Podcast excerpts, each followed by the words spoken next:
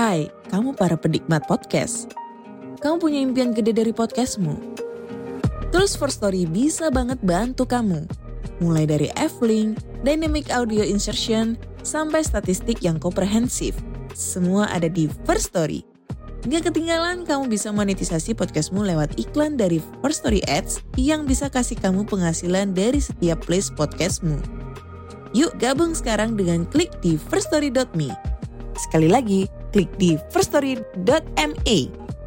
Mari kita bawa mimpi podcastingmu menjadi kenyataan.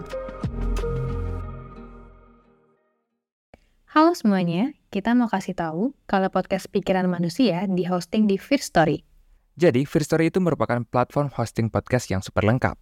Sangat user-friendly dan tentunya 100% gratis. Pastinya tiap episode akan otomatis didistribusikan ke berbagai platform podcast hits di Indonesia. Nah, kabar baiknya, melalui First Story, kamu juga bisa monetisasi podcast kamu. Jadi tunggu apa lagi? Raih potensi maksimal podcastmu menggunakan tools dari platform hosting terbaik untuk podcaster. Daftar sekarang di firststory.me dan bawa mimpi podcastingmu menjadi kenyataan.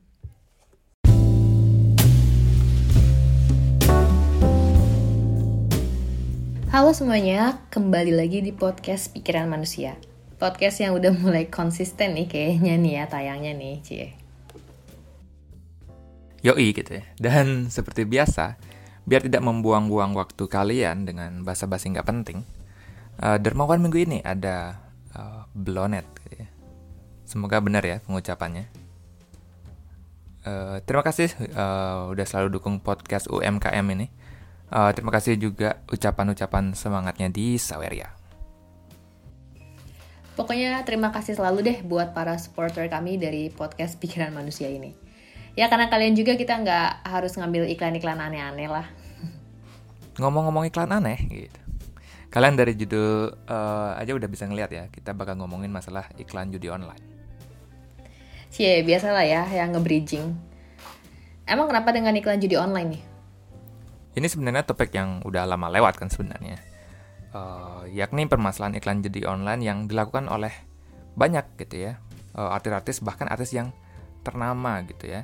Juga ikutan ngendorse uh, ini. Dan aku udah lama sebenarnya pengen bahas ini gitu ya. Cuma waktu itu lagi sibuk aja.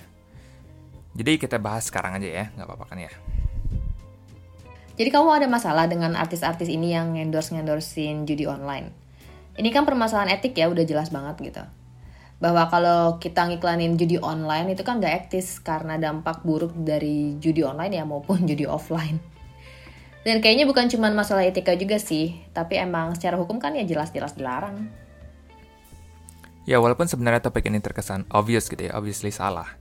Tapi ada, ada satu hal yang bikin aku sebel banget gitu ya sama artis-artis yang endorse judi online ini. Karena aku sebenarnya sangat tertarik dengan uh, ranah moral ya. Di sini pun di Glasgow kebanyakan uh, mata kuliah pilihan itu yang aku ambil di sini adalah filsafat moral gitu kayak uh, contemporary ethics gitu ya, moral philosophy dan history of moral philosophy. Jadi bisa dibilang permasalahan benar salah gitu ya, boleh atau tidak boleh itu itu sangat penting gitu ya bagiku. Oke, tapi kenapa moralitas ini penting banget nih buat uh, buat kamu gitu? Kenapa kamu sangat concern dengan topik ini gitu? Ya jawaban sederhananya ya, ya karena kita kita punya akal gitu. Karena karena kita punya akal, kita bisa gitu ya menimbang pilihan-pilihan dan tindakan yang kita lakukan dalam hidup ini. Kalau singa aja misalnya, dia kan bertindak berdasarkan insting aja gitu ya. Dia nggak perlu mikirin apakah rusa yang dia mau makan itu yang mau dia terkam itu lagi hamil apa enggak, itu dia punya anak apa enggak, apakah dia tuang tulang punggung keluarga apa enggak gitu ya. Dia nggak mikir gitu, dia lihat rusa ada yang bergerak gitu ya, ya dimakan gitu ya. Seseder, sesederhana itu. Ya makanya ya manusia yang punya akal harusnya bisa mikirin tindakan apa yang uh, dia harus lakukan gitu. Ada tanggung jawab untuk memilih tindakan yang baik dan nggak sekedar ngikutin insting aja kayak singa tadi gitu kayak hewan. Ya kan? Kalau kalau kita setuju ya bahwa kita ingin menjadi manusia yang baik gitu ingin menjalani kehidupan yang bermoral gitu ethical life ya berarti kita harus mau mengikuti apa yang moralitas ingin kita lakukan. Oke, emang moralitas nyuruh kita ngapain? Ya tentu berbuat baik lah itu udah pasti. Tapi apa itu berbuat baik gitu? dan uh, gimana kita tahu kalau kita tuh udah gitu berbuat baik tentu ini pertanyaan yang masih banyak didebatkan gitu ya apakah moralitas itu memang ada gitu ya dalam artian ada di dunia ini memang terdapat aturan moral yang perlu kita ikuti atau murni hanya sebenarnya moralitas itu buat buatan manusia aja gitu kan tapi kita uh, tidak akan membahas perdebatan ini dulu gitu ya tapi yang pasti jika kita ingin menjalani kehidupan yang bermoral gitu ya, tentu kita harus mau mengikuti, mengikuti uh, tuntutan moral gitu ya. Oke, berarti ya tinggal ikutin salah satu teori moral aja dong ya. Entah dari agama, dari deontologi, uh, atau bisa juga dari konsekuensialisme. Ya gitu, kedengarannya gampang lah ya gitu ya. Tapi ternyata gitu ya, moral-moral teori ini memiliki suatu kelemahan yang sering disebut sebagai uh, ada sanggahannya gitu ya. Biasanya disebut sebagai uh, demandingness objection gitu ya. Atau sanggahan ya, uh, bahwa moral teori ini terlalu menuntut gitu ya. Banyak tuntutan moral yang cukup berat bagi kita. Dan salah satu teori moral yang cukup banyak menuntut manusia adalah uh, yakni konsekuensialisme Uh, konsekuensialisme itu yang bilang kalau perbuatan yang baik adalah yang berfokus pada hasil atau konsekuensi yang baik kan ya. Jadi nih misalkan nih kalau ada dua pilihan, tindakan A dan tindakan B. Kalau tindakan B menghasilkan konsekuensi yang lebih baik, ya berarti kita harus milih tindakan B gitu kan ya. Ya kan ya. Kelihatannya simple sih emang. Uh, kenapa kamu bilang teori ini banyak tuntutannya? Nah, salah satu bentuk gitu, bentuk teori konsekuensialisme adalah uh, max uh, act consequentialism gitu ya. Jadi konsekuensialisme yang memaksimalkan aksi gitu ya. Jadi apa pun yang kamu pilih haruslah merupakan pilihan yang paling gitu ya, paling optimal, the best gitu. Kayak kamu tadi ngasih pilihan ada pilihan A dan B, kan gampang, tinggal pilih yang paling optimal, lebih baik. Tapi kalau situasi di mana pilihan yang lebih uh, ada ada lebih banyak gitu ya, lebih dari dua gitu ya ya kita pilih yang paling optimal gitu ya misalnya ada pilihan A sampai Z gitu. dan pilihan yang paling optimal yang menghasilkan konsekuensi paling baik yakni Z jika situasinya seperti itu maka uh, act konsekuensialisme mengatakan kita harus memilih Z gitu ya bener dong maksud akal hmm. Kalau tindakan A misalnya cuma menyekolahkan satu anak yang putus sekolah dan Z nih menyekolahkan seribu anak yang putus sekolah, ya tentu uh, lebih optimalan tindakan yang memberi dampak paling besar adalah yang Z gitu. Kalau dilihat dari prinsip utilitarianisme gitu ya, tentu seribu berarti lebih baik dari satu gitu kan. Maka dari itu kita hendak melakukan Z. Nah tapi jika kamu benar-benar ingin mengikuti atau menerapkan teori moral ini ke kehidupanmu sehari-hari, akan ada banyak hal di hidupmu yang perlu kamu korbankan atau yang awalnya terlihat biasa aja yang kelihatannya moral tiba-tiba menjadi amoral gitu ya. Misalnya kamu nggak bisa lagi beli baju gitu. Kamu nonton bioskop atau makan mewah-mewah itu dianggap uh, hal yang tidak bermoral gitu. Apa hubungannya? Kenapa uh, dengan bertindak moral aku jadi nggak boleh beli baju, eh, nggak uh, bisa nonton, yang bisa seneng-seneng lah gitu. Kan yang penting berbuat baik. Oke nih. Jadi biar kamu paham gitu ya. Coba bayangin gitu ya, kamu punya uang yang nganggur 1 juta gitu ya. Kamu niatnya 300 buat baju baru gitu ya. 300 lagi buat makan-makan enak gitu ya. 300 lagi buat hiburan, ya nonton bioskop kayak atau konser kayak atau apalah. Nah, sisanya 100 buat disumbangin ke yayasan panti asuhan. Dengan membagi uangmu kayak gitu, kamu pasti ngerasa kamu udah ngejalanin hidup yang bermoral gitu ya. Tapi kamu harus ingat gitu ya, uh, Max Act Consequentialism ini mengatakan tindakan yang benar hanyalah yang menghasilkan uh, hasil uh, atau konsekuensi yang paling optimal. Nah, dengan uang satu juta yang nganggur ini, pembagian yang uh, memiliki tingkat kegunaan paling tinggi yang gimana coba? Kalau kita beneran harus pilih opsi yang paling optimal, um, berarti kita harus ngasih seluruh uang yang nganggur itu dong buat disumbangin. Lagian itu kan duit yang nggak kepake dan kebutuhan kita yang lain udah terpenuhi gitu. Nah, itulah kenapa teori ini ya, uh, yang Max uh, Act Consequentialism ini sangatlah demanding gitu ya, banyak nuntut. Uh, teori moral seperti ini menuntut banyak hal pada kita gitu ya. Terus gimana gitu ya? Mau nggak kamu hidup seperti itu gitu ya? tentu benar kita sepertinya punya kewajiban untuk berbagi resource yang kita yang berlebih gitu ke orang yang kurang mampu gitu. Tapi aku merasa kayak uh, apa ya berat gitu. Dan aku dibilang orang yang nggak bermoral hanya karena aku nonton bioskop atau beli baju itu kan suatu hal yang aneh ya. Dan aku yakin banyak orang yang akan setuju bahwa tindakan beli baju baru atau sekedar nonton bioskop bukanlah uh, perbuatan yang amoral gitu. Konsep ini sebenarnya mirip dengan apa? Pembahasan kita mengenai apa sorry pada episodenya Peter Singer gitu ya. Yang apa ya nyawa yang bisa kamu selamatkan gitu. Tapi mungkin detail mengenai ini bisa kapan eh, kapan-kapan lagi aja gitu.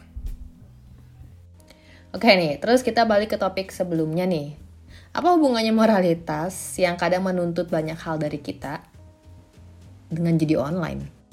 Ini yang ku sebelin sebenarnya gitu ya. Moral teori seperti uh, konsekuensialisme ini misalnya meminta kita untuk merelakan kehidupan yang foya-foya gitu ya. Atau yang bahkan sekedar nonton bioskop aja itu nggak foya-foya menurutku. Dan kita diminta berfokus pada uh, membawa kebaikan yang sebanyak-banyaknya ke dunia ini. Ini sulit uh, kamu pun merasa tuntutan dari moralitas moralitas ini berat untuk dilakukan. Tapi gitu ya influencer-influencer ini gitu ya bahkan artis-artis papan atas ini dengan gampangnya gitu nerima iklan judi online gitu. Kayak gimana ya? Mereka mikir gak sih gitu ya? Ya anggaplah kita ditawarin endorse judi slot gitu ya. Podcast dengan pemasukan kecil seperti ini. Kita pasti tergoda gitu ya walaupun sebenarnya nggak nggak tergoda sama sekali tapi anggaplah tergoda gitu ya cukup wajar gitu ya tertarik uh, untuk apa ya ngiklan sekali iklan bisa 10 sampai 20 juta gitu kan. Tapi artis-artis yang udah kaya ini antara apa ya pilihan antara menerima atau menolak endorsement itu harusnya nggak berat di mereka gitu ya. Tidak ada apa ya dilema-dilemanya dalam keputusan ini gitu. Iya ya. Biasanya moral dilema itu kan terjadi di kalangan bawah gitu kan kayak kita nih. Yang sering kita lihat di film-film lah, misalnya dua anak jalanan, mereka ini kakak adik, kelaparan udah dua hari nggak makan terus kakaknya udah desperate banget nih kasih ngeliat adiknya kelaparan. Dan ya si kakak mencuri lah di pasar-pasar demi adiknya makan gitu. Meskipun mereka tahu mencuri secara moral itu salah tapi ya daripada adiknya mati kelaparan ya kan ya udah.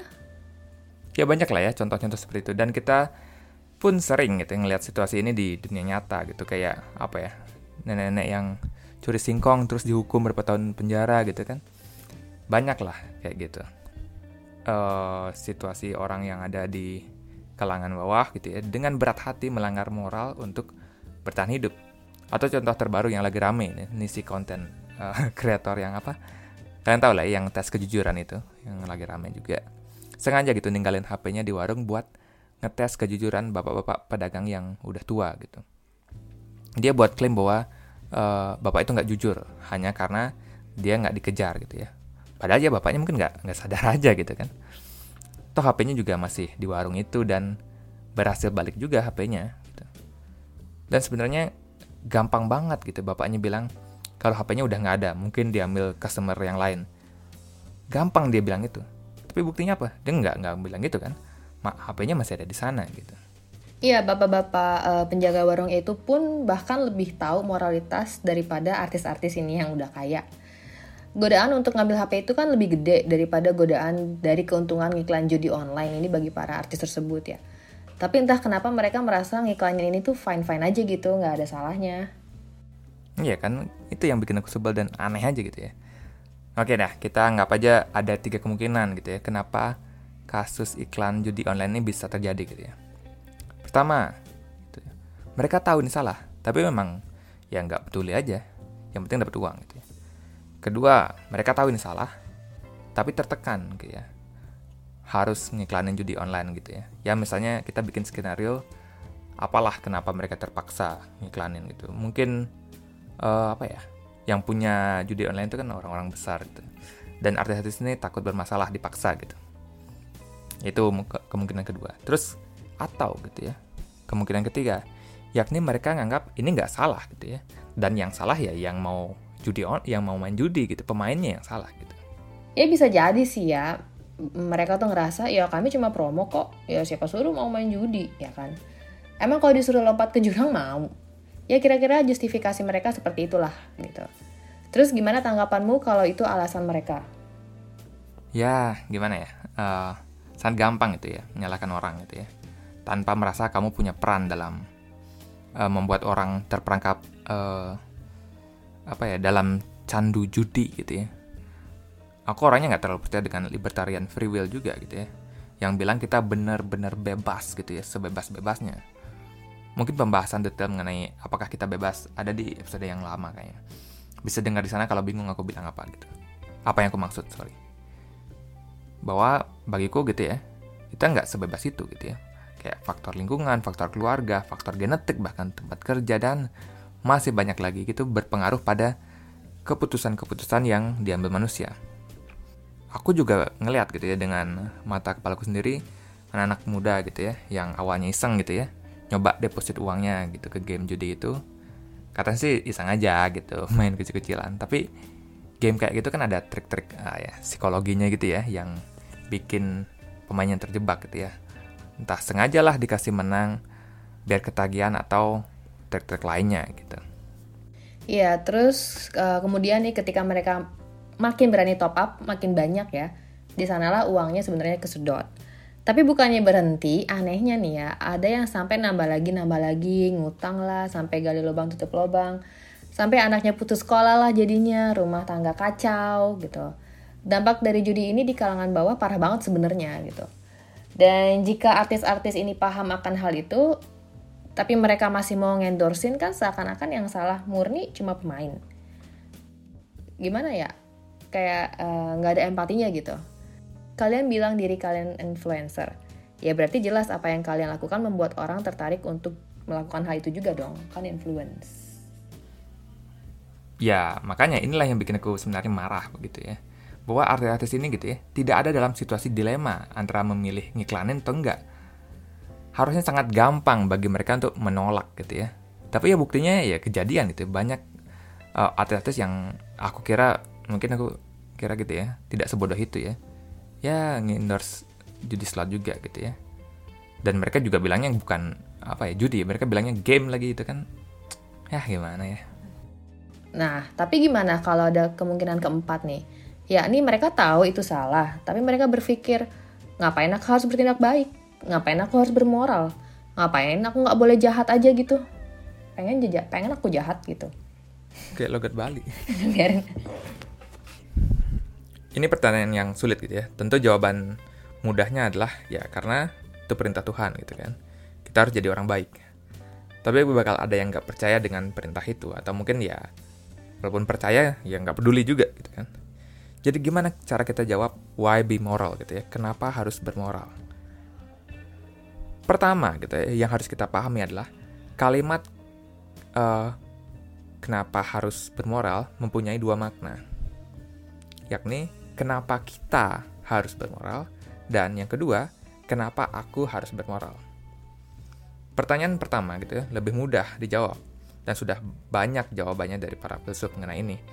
Jawabannya biasanya sekitar bertindak moral merupakan syarat gitu ya untuk hidup berdampingan satu sama lain gitu ya, dan membuat masyarakat yang harmonis gitu. Oh, untuk bisa hidup bersama dalam masyarakat. Kalau kita nggak mau bermoral, ya bakal kacau gitu. Misalnya nih, lagi di jalan, cuma mau belanja nih tiba-tiba ditusuk ya siapa yang mau hidup di masyarakat semacam itu gitu setiap hari takut aja bawaannya kan gitu takut kekerasan lah takut ditipu lah dibohongin lah gitu kalau ngelihat secara luas nih uh, mudah aja untuk menjustifikasi kenapa kita harus bermoral tapi gimana kalau aku nggak masalah tiba-tiba aku ditusuk di jalan terserah orang mau ngapain aja aku nggak peduli gitu seorang psikopat misalnya ya emang seneng aja gitu dunia kacau gitu. Terus gimana dengan jawaban dari pertanyaan kedua? Kenapa aku harus bermoral? Ini yang lebih susah dijawab sih. Mungkin tidak banyak filsuf yang memberi jawaban pada pertanyaan kedua ini. Tapi uh, Peter Singer mencoba memberi jawabannya gitu ya. Dia bilang uh, ya hidup yang beretika atau sesuai dengan tuntutan moral lebih baik gitu ya ketimbang yang tidak gitu ya. Karena gitu ya orang yang beretika hidupnya lebih bahagia gitu ya intinya lebih bahagia yang beretika daripada yang tidak kayak gitu mungkin kayak kayak orang yang korupsi misalnya mungkin kelihatannya dia bisa beli apa pun yang dia mau, hidup di rumah yang mewah dan nyaman, tapi apakah secara mental mereka lebih bahagia gitu kan? Ya setiap hari gitu ya dia bawanya takut ditangkap gitu ya. Setiap hari anxious apa takut ketahuan gitu. Jadi ada mereka nggak benar-benar bahagia gitu orang yang tidak menjalani hidup yang beretika gitu. Mungkin yang dimaksud Peter Singer kayak apa yang dibilang Boetius kali ya bahwa ya hukuman untuk orang jahat ya menjadi orang jahat itu sendiri dan reward atau hadiah untuk orang baik ya menjadi orang baik itu sendiri gitu. Walaupun ini sebenarnya susah dibuktiin sih. Pasti akan ada aja yang ngelawan argumennya Singer bahwa ada tuh orang yang egois yang mikirin dirinya sendiri, tidak menjalani ethical life, tapi puas dan bahagia sama hidupnya. Ya begitu. Mungkin emang nggak bisa dijawab kali apa pertanyaan kedua itu. Kenapa aku gitu ya harus bermoral gitu ya ya jadi gitulah ya kira-kira apa ya dis pusat diskusinya untuk episode kali ini gitu ya. Ini uh, mungkin nunjukin gitu ya episode episode ini nunjukin kenapa aku sebel gitu ya kenapa sama orang-orang yang di atas tapi nggak mencoba untuk menjalani kehidupan yang moral. Harusnya mereka gitu mereka ada di posisi yang lebih gampang untuk menjadi manusia yang lebih baik gitu Iya kan, orang-orang di bawah yang lebih susah, mereka lebih banyak menghadapi moral dilema dalam kehidupan mereka setiap hari gitu. Bukannya mereka nggak tahu itu salah, tapi ada situasi-situasi di mana dengan berat hati mereka harus melanggar moralitas. Tapi ya nggak ngerti lagi dah, udahlah. Mungkin itu dulu kali untuk episode kali ini. Thank you udah mau dengerin, bye-bye. Bye.